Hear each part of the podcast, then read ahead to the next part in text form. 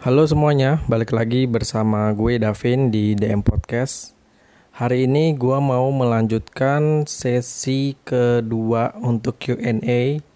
Kemarin uh, gue udah bahas ya untuk Q&A part 1 di mana kebanyakan itu mengenai new normal. Cuman untuk yang sesi kali ini uh, random pertanyaan ada yang dari WO, ada yang dari mengenai wedding juga, ada teman juga yang curhat ada juga yang nanya tentang finansial. Oke, semuanya nanti akan gua bahas hari ini.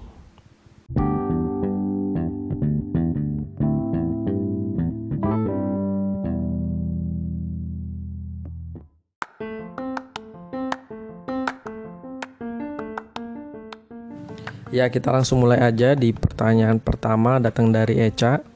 Kok karena Koko WO nih, jadi aku mau tanya seputar wedding. Ceritain dong persiapan wedding Koko, terus hal penting apa aja yang harus diutamain, sampai hal paling nggak penting tapi tetap harus dipikirin. Hehehe. Kalau ini dulu aku persiapan weddingnya itu yang pasti siapin duit, siapin mental juga, terus udah punya gambaran uh, weddingnya mau seperti apa.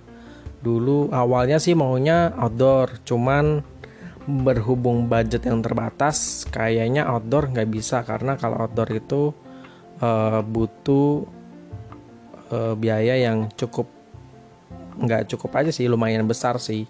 Apalagi kalian harus siapin ada uh, buat backupan dana juga. Jadi akhirnya aku weddingnya tuh indoor kemarin udah gitu kamu juga kalau kalian mau wedding ya kalian juga udah harus tahu tanggalnya.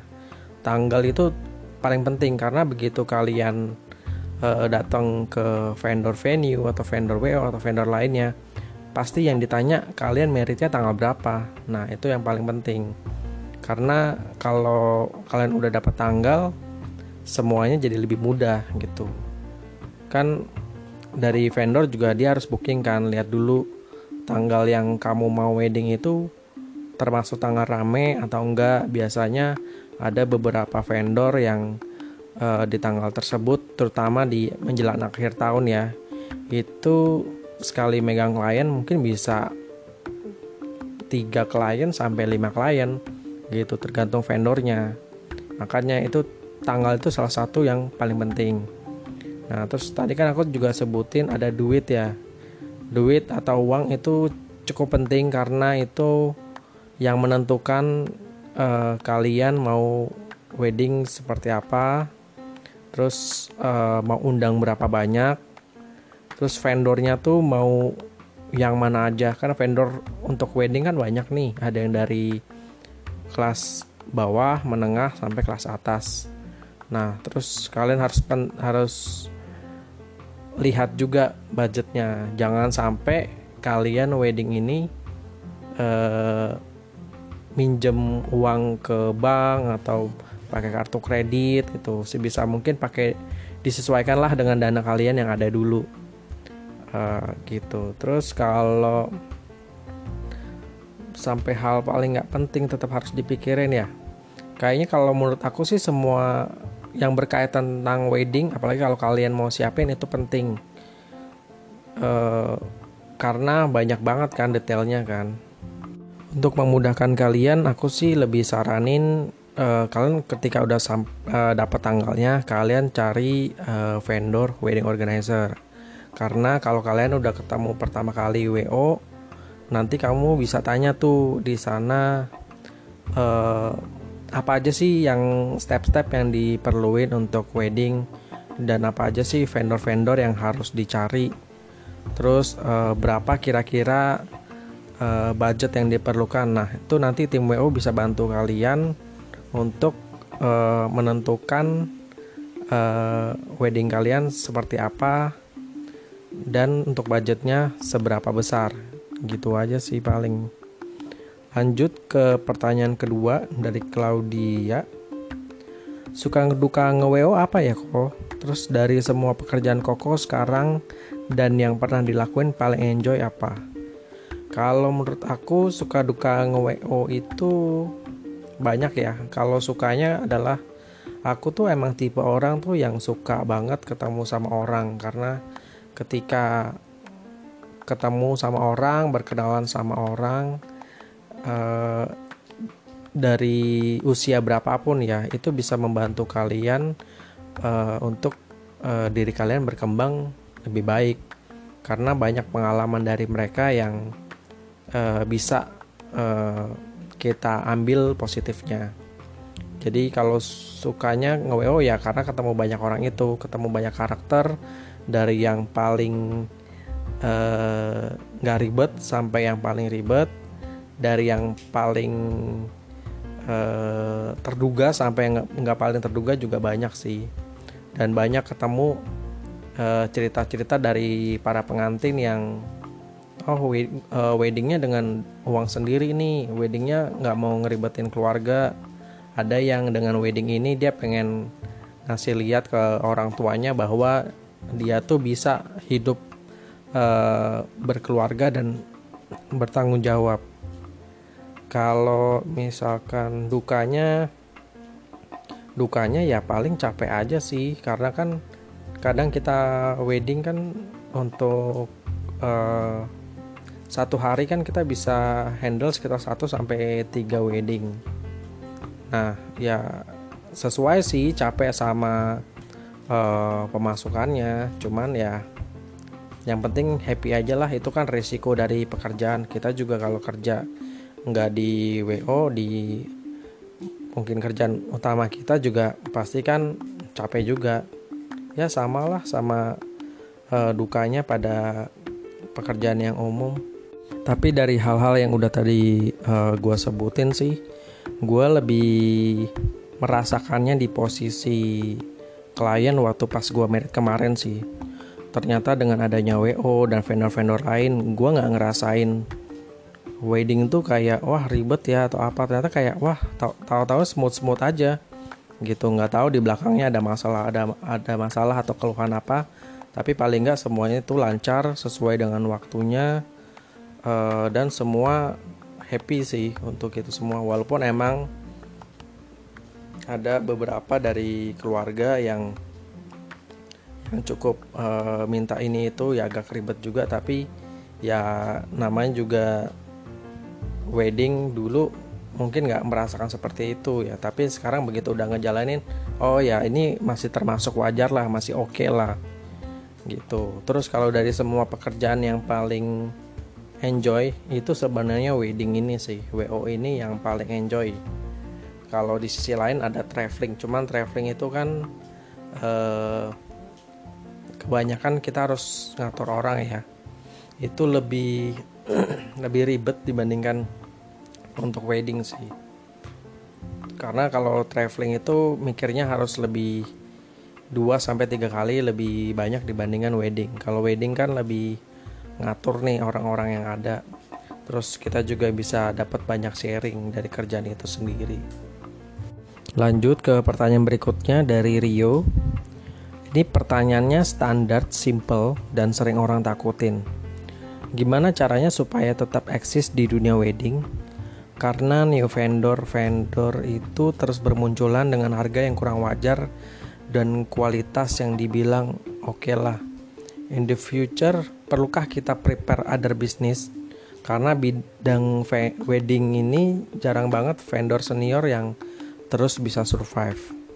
Kalau menurut gue ya untuk eksis tetap di dunia wedding kita tuh harus fokus sama kita harus bisa beradaptasi dengan eh, hal-hal uh, yang baru apa uh, wedding apa sih yang sekarang ini lagi kekinian apa ya sih yang dipengenin klien saat ini Nah, terus kita juga harus mempertahankan uh, apa kejujuran kita dan uh, kerja keras kita. Kita tetap juga harus kasih service yang baik buat klien-klien kita.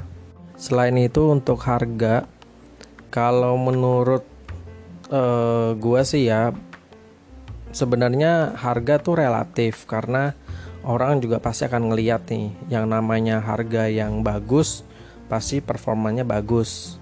Tapi nggak menutup kemungkinan juga sih misalnya harganya standar itu performancenya uh, bakal jelek gitu. Tapi ya kita harus menyesuaikan diri lah dengan harga yang udah kita patok. Yang misalkan harganya tinggi ya kualitasnya pasti yang namanya klien mau? Oh ini, ini vendornya harganya udah mahal nih. Berarti harusnya kualitasnya bagus gitu. Ya balik lagi ke cara pola pikir kita gimana. Kita kalau di sisi klien juga eh, pasti kan maunya cari yang kualitasnya dan harga yang oke. Okay. jadi bisa jadi kualitasnya oke okay, tapi harga yang murah ya banyak juga sih klien yang nyari gitu. Cuman ada beberapa klien yang di segmen tertentu yang oh ya harga harga pasti carinya yang bagus karena udah pasti uh, kualitasnya bagus. Sama lah kayak kita beli barang. Biasanya kalau kita beli barang kan uh, maunya kan cari yang bagus lah ya yang misalnya belinya bisa buat tahan lama. Nah itu juga sama deng sama halnya dengan harga-harga di vendor wedding ya seperti itu. Ini kalau menurut gue pribadi. Cuman kalau menurut teman-teman misalkan ada yang beda boleh info nanti gue akan share juga di podcast ini. Terus tadi dari Rio masih in the future perlukah kita prepare other business? Kalau menurut gue kalau misalkan lu udah bagus di bisnis yang ini dan lu bisa uh, mau mengembangkan di bisnis yang lain ya emang jika misalkan ada ya kenapa enggak? Karena kalau bisa bisa dapat pemasukan dari yang lain kan lebih bagus. Kayak sekarang ini kita untuk wedding kan lagi stop nih dari bulan uh, Maret kemarin sampai sekarang belum lanjut lagi. Nah kalau misalkan kayak gini kan otomatis kan kalau misalnya kita punya bisnis yang lain atau misalkan tetap mengelola bisnis makanan kan masih tetap bisa jalan. Paling nggak tuh kita masih tetap ada pemasukan daripada nol sama sekali. Cuma itu balik lagi ke pandangan kalian ya seperti apa. Kalau pandangan gue ya kalau misalkan gue ya pasti juga pengen punya bisnis yang lain. Jadi di saat-saat tertentu kalau misalnya kayak bisnis sekarang nih ini kan eh, apa sesuatu yang pandemi yang tidak terduga jadi paling nggak gue dapet pemasukan yang lain sih dibandingkan dari bisnis gue yang lagi pending saat ini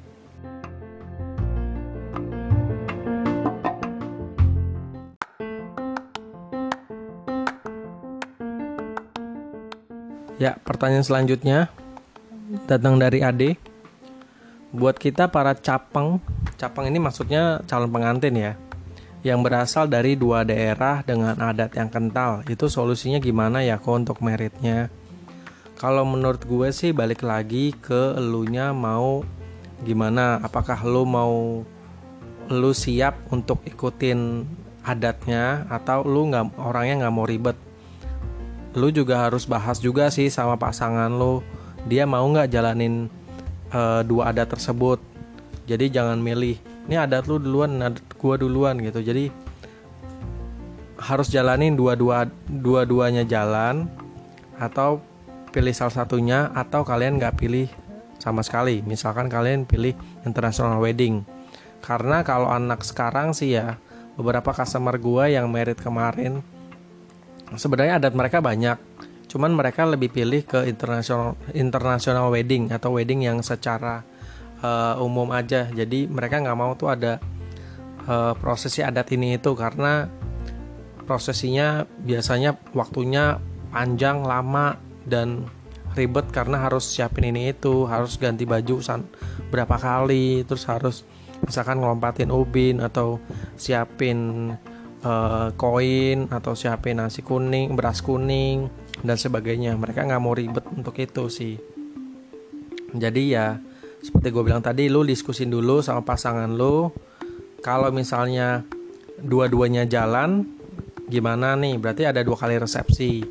Atau misalkan pakai salah satu resepsi. Tapi kalau misalnya dua-duanya kuat uh, dan kalian misalkan nggak siap ya mendingan nggak usah dua-duanya jadi uh, apa pakai yang international wedding aja gitu Nah kalau pengalaman gue sih kemarin gue tuh kan gue dari Jawa Surabaya, sedangkan istri gue ini dari Medan.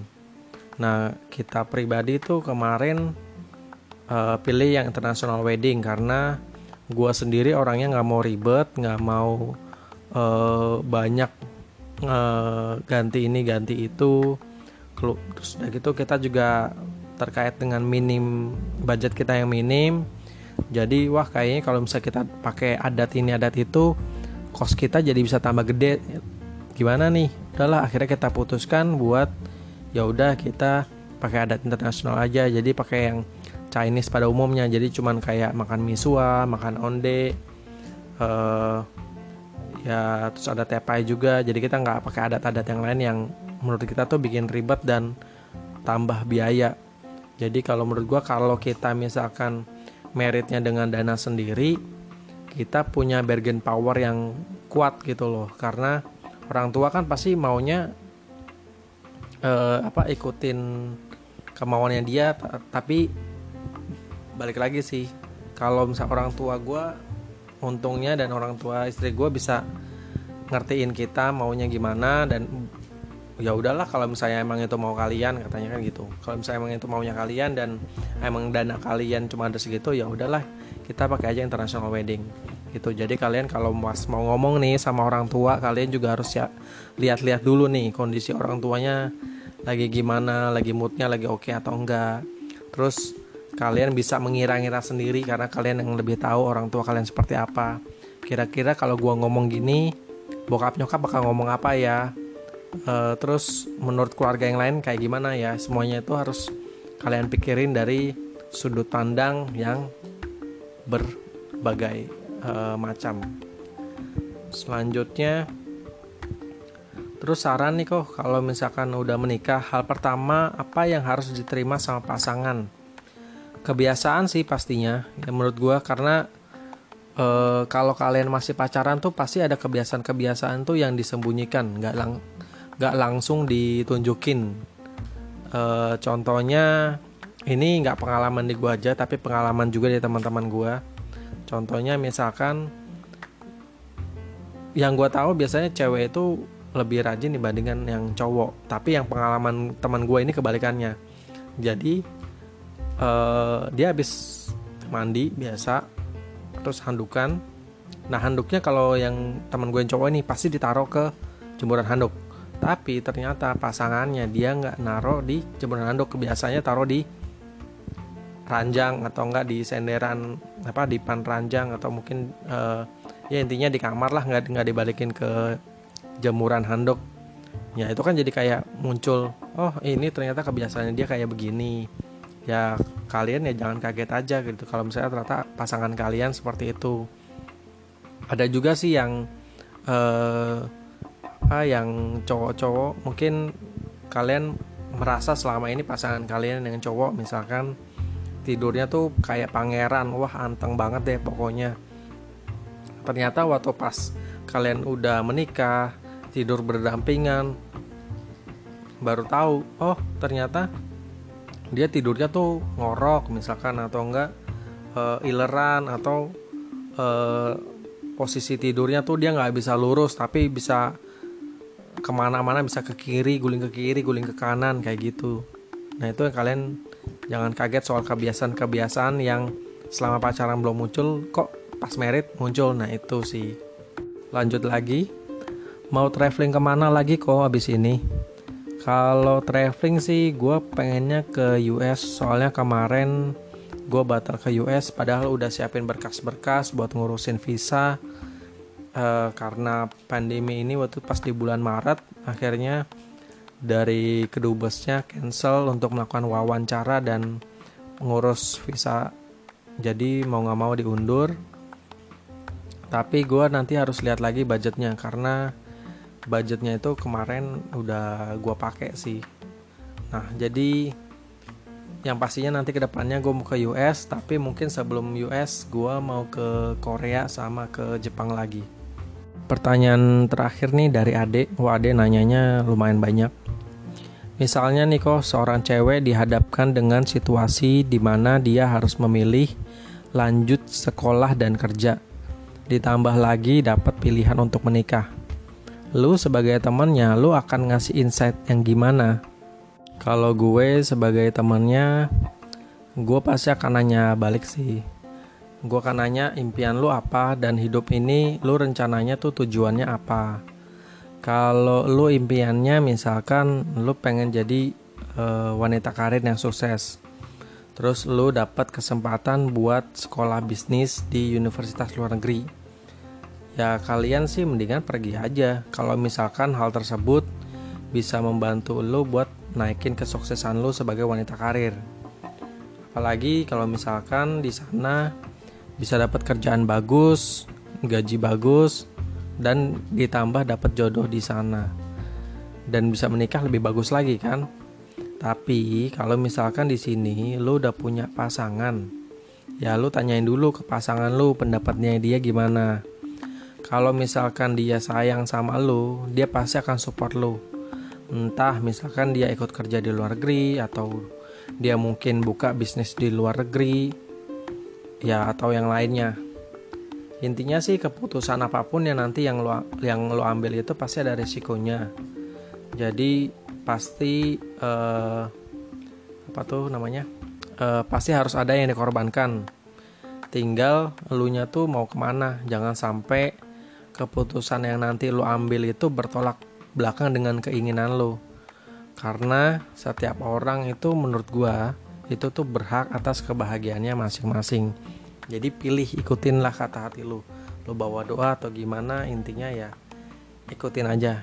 Apa pun yang lu dapat dari doa apa pun yang lu uh, kata hati lu omong ya itu yang terbaik buat lu. Dan lu yang paling tahu. Gitu. Pertanyaan selanjutnya pertanyaan kelima datang dari Rika uh, Vin lu udah travelingnya ke mana aja nih terus lu kan itu kan Starbucks lover udah ngumpulin aksesoris setiap negara mana aja kalau traveling kalau di Indonesia sih udah Medan, Surabaya, Kediri, Bali, Jogja. Ya masih banyak sih tempat-tempat di Indonesia yang gue belum pernah explore sih.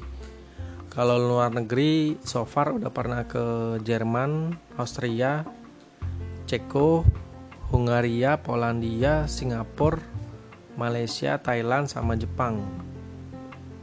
Kalau koleksi Starbucks yang dari semua kunjungin itu hampir semuanya gue gua gua udah ada. Tapi kalau misalkan beberapa negara yang gue udah punya yang koleksi Starbucks gue tapi gue belum pernah kunjungi negaranya tuh ada Vietnam, China, Turki, Prancis, New Zealand, US, Korea Selatan sama Yunani. Ya mungkin soon lah ya kita lihat habis pandemi ini kelar. Yang udah direncanakan mungkin gue jalanin dulu. Sisanya ya nunggu pengaturan budget lagi lanjut ke pertanyaan keenam dari Haryadi kok tips and trick gimana cara lu ngedevelop bisnis lu sampai sekarang ini kalau ngedevelop ya, ya ada beberapa hal sih. Uh, yang pertama mungkin soal diskusi. Uh, banyak menurut gue sih, uh, gue bersyukur gue bisa ketemu banyak orang. Gak harus umuran sih. Sebagian besar orang yang gue kenal itu bahkan umurnya tuh bisa 5 sampai 15 tahun di atas gue ada juga yang di bawah umur gue nah gue suka banget tuh kalau misalnya lagi ketemu mereka mau chat atau ngobrol by phone gue pasti suka sharing-sharing sih nah dari sharing-sharing dan diskusi uh, topik-topik yang lagi hangat yang gue lagi bicarain sama mereka ada beberapa pelajaran atau pengalaman dari mereka yang bisa gue terapin di bisnis gue dan itu menurut gue sangat membantu Terus tadi yang pertama diskusi, yang kedua itu soal sudut pandang. Kalau di bisnis gue ini sih yang gue jalanin, gue tuh selalu uh, memposisikan diri gue tuh bukan sebagai bos tapi sebagai atau pemilik bisnis. Tapi lebih kepada kalau gue di posisi karyawan atau gue di posisi klien WO gitu kan atau klien travel travel uh, dengan kondisi seperti ini seperti itu kira-kira apa yang harus uh, gua apa yang harus uh, apa ya gue pengennya seperti apa bukan pengennya seperti apa sih tapi uh, lebih kalau kita bisa memposisikan diri kita sebagai customer. Kita lebih tahu produk seperti apa yang customer kita butuhin. Uh, pertanyaan seperti apa aja nih yang bakal muncul? Lalu solusinya apa? Nah selain itu kalau kita misalkan sebagai karyawan biasanya karyawan tuh mau atasannya seperti apa? Gimana kalau misalkan uh, atasan ngomong ke karyawan seperti ini atau seperti itu apakah akan menyinggung? Ya dan sebagainya lah. Jadi dengan posisikan diri kita seperti itu kita bisa tahu tuh kebutuhan mereka apa dan kendala-kendala apa yang akan timbul ke depannya. Jadi posisi dan sudut pandang itu menurut gue juga penting. Lalu yang ketiga uh, fokus. Uh, kita tuh harus fokus kepada bisnis yang kita bangun. Jangan coba dulu uh, ke bisnis lain kalau misalkan di bidang yang kita jalin sekarang tuh belum expert. Kalau di bisnis ini tuh gue lebih uh, memfokuskan ke service people. Gimana kita dapat melayani mereka gimana kita dapat memberikan kenyamanan dan kepuasan uh, ke mereka. Walaupun best effort yang kita lakukan uh, itu belum tentu bisa memenuhi ekspektasi semua orang. Lalu tips selanjutnya adalah jangan pernah takut untuk gagal. Ketika lu gagal jangan depresi dan uh, apa patah semangat. Uh, lu bisa lu bisa cari tahu nih uh, kegagalan lu tuh di bagian mananya dan lu bisa koreksi hal apa yang pernah lu lakuin sebelumnya jadi ketika berikutnya misalkan kita nemuin lagi nih uh, kesalahan yang dulu pernah kita temuin, kita tuh nggak bakal jatuh di tempat yang sama. Kalau menurut gue tuh gagal itu wajar. Setidaknya yang penting kita udah coba. Kalau kita nggak coba, kita nggak pernah tahu tuh gimana caranya ngehadapin kegagalan itu. Nah, selanjutnya yang terakhir itu uh, kita harus belajar sih uh, carilah informasi sebanyak mungkin. Lalu lo pelajari lo terapin. Jangan pernah berhenti belajar kalau menurut gue sih. Karena uh, dunia kita itu dunia sekitar kita itu terus berubah. Dan kita harus uh, banyak belajar untuk bisa beradaptasi dengan kondisi yang selalu berubah-ubah. Ya lima poin yang tadi itu menurut gue tips and trick gimana bisa ngedevelop bisnis kita. Jadi ada diskusi uh, lihat dari sudut pandang, fokus apa yang udah kita kerjakan, jangan pernah takut untuk gagal dan terus belajar. Ya lanjut ke pertanyaan berikutnya. Ini pertanyaan terakhir dari Ines. Ines ada nanya beberapa pertanyaan nih, cukup banyak. Uh, menurut lu kok kira-kira kapan nih corona ini akan kelar? Wah kalau menurut gue sih jujur aja ya ini bakal lama banget kalau misalkan orang-orangnya belum bisa diatur. Sekarang kadang kalau misalnya udah diatur pun ya yang ngerti mungkin bisa stay di rumah tapi yang nggak ngerti tetap keluar. Jadi nggak ada uh, hal yang berubah ya pasti corona ini ya terus akan begini-begini terus ya balik lagi ke kitanya sih. Seandainya mungkin kalau misalkan uh, warga kita ya. Maksudnya bisa belajar dari negara lain. Emang begitu disuruh stay home ya stay di home apa tetap di rumah nggak usah ke mana-mana hindari kerumunan. Harusnya sih e, bisa kelar lebih cepat sih gitu. Cuman kalau misalkan e, nggak e, ada perubahan dari orang-orangnya emang masih belum bisa diatur ya bakal lama banget. Lalu apa pengalaman paling mengesankan selama lu menikah kok? Boleh buruk atau boleh baik? Uh, pengalaman mengesankan adalah uh, menikah dengan dana yang kita punya. Jadi maksudnya kemarin itu gue merit dengan uh, uang sendiri tanpa ada campur tangan orang tua. Uh, itu menurut gue sangat mengesankan sih. Terus selain itu apa ya uh, pengenalan ya. Ternyata itu ada pengalaman-pengalaman baru setelah menikah. Jadi gue kira gue pacaran sama istri gue ini dulu udah 5 sampai 6 tahun. Gue kira tuh gue udah tahu dia seperti apa seluk beluknya uh, ternyata waktu pas setelah menikah oh lebih tahu tentang kepribadian pasangan gue oh ternyata mereka uh, lebih begini. Nggak nggak begitu. Ada banyak hal-hal baru sih yang setelah menikah yang gue dapetin. Terus selain itu dalam hal perhatian nih kadang dulu gue mikirnya kalau mau memberi perhatian ke pasangan itu buat nyenengin mereka ya itu kita tuh harus kasih sesuatu yang wah yang mungkin yang mewah yang atau mahal atau gimana. Tapi ternyata setelah nikah eh, dengan mendengarin cerita tentang rutinitas dia aja itu dia udah happy dibanding lu kasih barang-barang yang wah atau yang mewah jadi hal itulah hal-hal yang bikin gue mengesankan selama gue menikah ini pertanyaan terakhir dari Ines Bagaimana cara mengelola keuangan untuk perencanaan pernikahan dari waktu itu hingga sekarang sudah berumah tangga? Yang pastinya lo harus banyak nabung. Semakin lo masih muda dan lo masih produktif, lo harus nabung sebanyak-banyaknya. Karena untuk persiapan menikah dan berumah tangga itu duitnya nggak sedikit, banyak, sangat banyak menurut gue ya. Dulu itu gue mikirnya nabung cuma buat merit dan beli rumah eh ternyata sekarang setelah uh, nabung gua setelah menikah ya gue harus nabung lebih banyak lagi banyak beberapa pos rekening yang harus gue bagi-bagi untuk mengatur keuangan rumah tangga gue kalau bisa berandai-andai ya seandainya dulu gue waktu pas masih produktif gue masih muda bukan maksud gue bukan sekarang nggak produktif maksudnya dulu semakin kita masih muda misalkan di umur 20 tahun setelah kita lulus kuliah kita bisa mencari uang sendiri.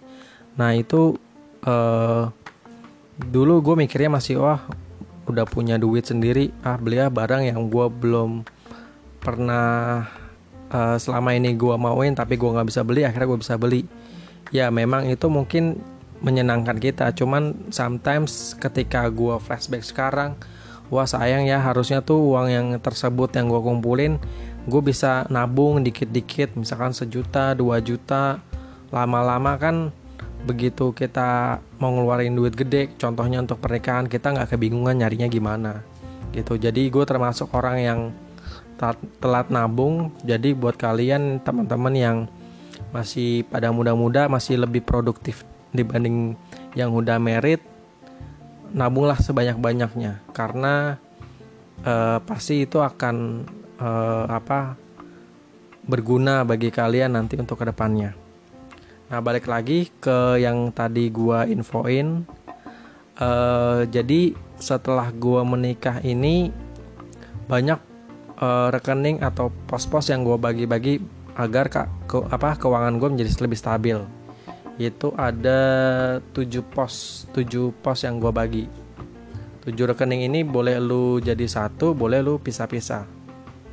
Jadi yang pertama ada rekening untuk dana darurat. Jadi rekening untuk dana darurat ini ya misalkan gue kan ada uh, motor. Jadi kalau misalkan uh, eh, gue lagi kadang-kadang suka ada kejadian nggak terduga misalkan uh, motornya turun mesin nih. Nah itu kan pasti ada ngeluarin duit banyak. Terus atau enggak uh, bannya bocor atau apa. Nah itu kan uh, kejadian yang tidak terduga. Atau misalkan dana darurat misalkan ada orang tua kalian mungkin lagi sakit harus ke rumah sakit harus dioperasi. Nah itu dana darurat untuk itu juga fungsinya. Atau misalkan nanti kalian udah apa udah punya anak ya mungkin anak kalian sakit atau mungkin anak kalian misalkan ada acara sekolah yang yang uang yang gak sedikit ya itu kan bisa kalian keluarin juga. Bisa pakai dana darurat tersebut gitu. Yang kedua uh, rekening untuk pensiun. Nah rekening pensiun ini uh, kenapa gue sisihin? Karena bukan berarti apa ya lu nggak bisa bergantung ketika nanti lu udah berkeluarga punya anak anak lu udah besar udah bisa ngasilin duit gak bisa bergantung ke anak kalian buat mereka kasih duit ke kita. Tapi ya harus dari kitanya sendiri sih dari sekarang sih udah siapin duit buat pensiun jadi nggak membebankan mereka juga. Kalau misalkan anak-anak kita misalkan sayang sama kita ya mungkin dia akan kasih. Tapi kadang-kadang anak-anak kita belum tentu itu kan. Bisa jadi dia lupakan kita atau mungkin ada uh, pasangannya yang lebih power yang lebih punya power dari anak kita atau dan sebagainya lah intinya kita harus siapin sendiri dana untuk pensiun kita. Yang ketiga itu rekening untuk investasi. Nah, rekening untuk investasi ini ya penting. Misalkan kalian investasi dalam bentuk deposito atau kalian saham atau apa. Jadi pasti ke depannya pasti akan butuh dana ini bisa kalian sepakai waktu sewaktu-waktu kalian bisa pakai misalkan untuk dana darurat atau misalkan e, berkaitan dengan dana pensiun kalian bisa juga diambil dari rekening investasi ini. Selanjutnya rekeningnya yang keempat adalah rekening untuk sumbangan. Biasanya rekening untuk sumbangan atau misalkan bantu orang lain atau orang tua ini gue siapin tergantung kondisi keuangan gue. Jadi ada beberapa teman gue yang misalkan oh ya gue selalu ada kok dana misalkan buat sumbangan. Ya karena memang dia berkecukupan. Tapi kalau misalkan posisinya lu uh, kekurangan atau dana lu pas-pasan ya tolonglah kalian uh, membantu aja diri sendiri dulu lah atau orang tua kalian itu sebelum kalian memberi sumbangan atau membantu orang lain. Tapi kalau misalkan kalian tetap mau memberikan uh, sumbangan ke orang lain itu pada kalian juga butuh ya nggak apa-apa gitu. Nggak ada salahnya juga gitu. Ini kan hanya pendapat dari gua aja. Yang kelima rekening untuk kebutuhan sehari-hari. Yaitu rekening untuk uh, rumah tangga ya. Jadi kalau misalkan mungkin untuk keperluan beli sayur atau mungkin kebutuhan untuk uh, setiap weekend mau ngajak uh, orang tua keluar atau pergi uh, bersama pasangan atau pergi bersama anak-anak. Nah, itu biasanya itu masuknya ke rekening kebutuhan sehari-hari. Yang keenam ada rekening untuk traveling.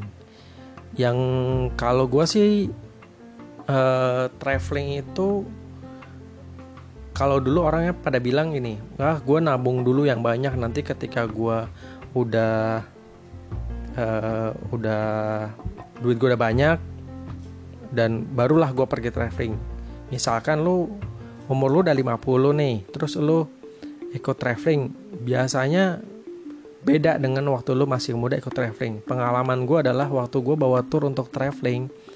Uh, yang gue bawa ini customer customer gue kebanyakannya umurnya tuh dari 50 sampai eh enggak. 45 sampai 60 60 65 adalah nah mereka emang masih kuat-kuat jalan. Cuman kadang-kadang kalau pas ngeliat hal bagus mereka nggak nggak sesuai pada ininya apa dengan umur mereka. Misalkan yang namanya orang tua kan pasti uh, apa lebih cepat capek ya dibandingkan anak muda ya.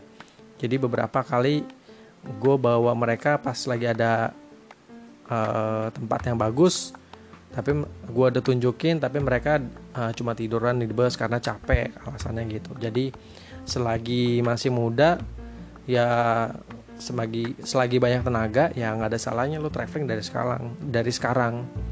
Jadi lu nabung lah uh, sebanyak banyaknya lu tentuin juga kalau traveling budget lu seberapa besar dan lu mau pergi ke mana kayak gitu. Yang terakhir adalah rekening untuk pembayaran hutang kalau kalian punya cicilan rumah cicilan mobil apartemen atau mungkin ada modal kerja untuk bisnis kalian. Nah, itu kalian harus bikin rekening terpisah. Jadi semuanya itu harus kalian kondisikan dengan keuangan kalian masing-masing.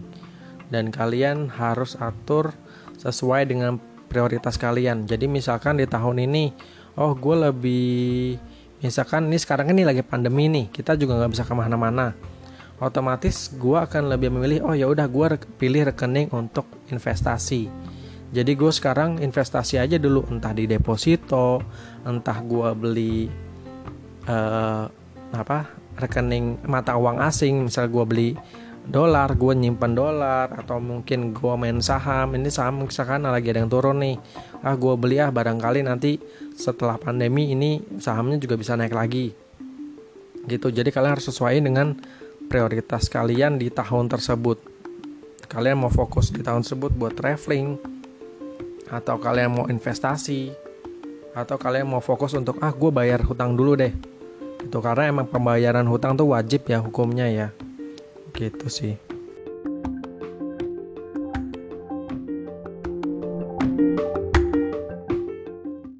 Ya, pembahasan finansial tadi menutup topik Q&A kali ini. Thank you buat teman-teman yang udah dengerin. Semoga apa yang udah gue bahas tadi, yang udah gue sharing tadi, kalian bisa ambil positifnya dan berguna untuk kalian ke depannya. Stay safe, keep healthy, and see you. Bye-bye.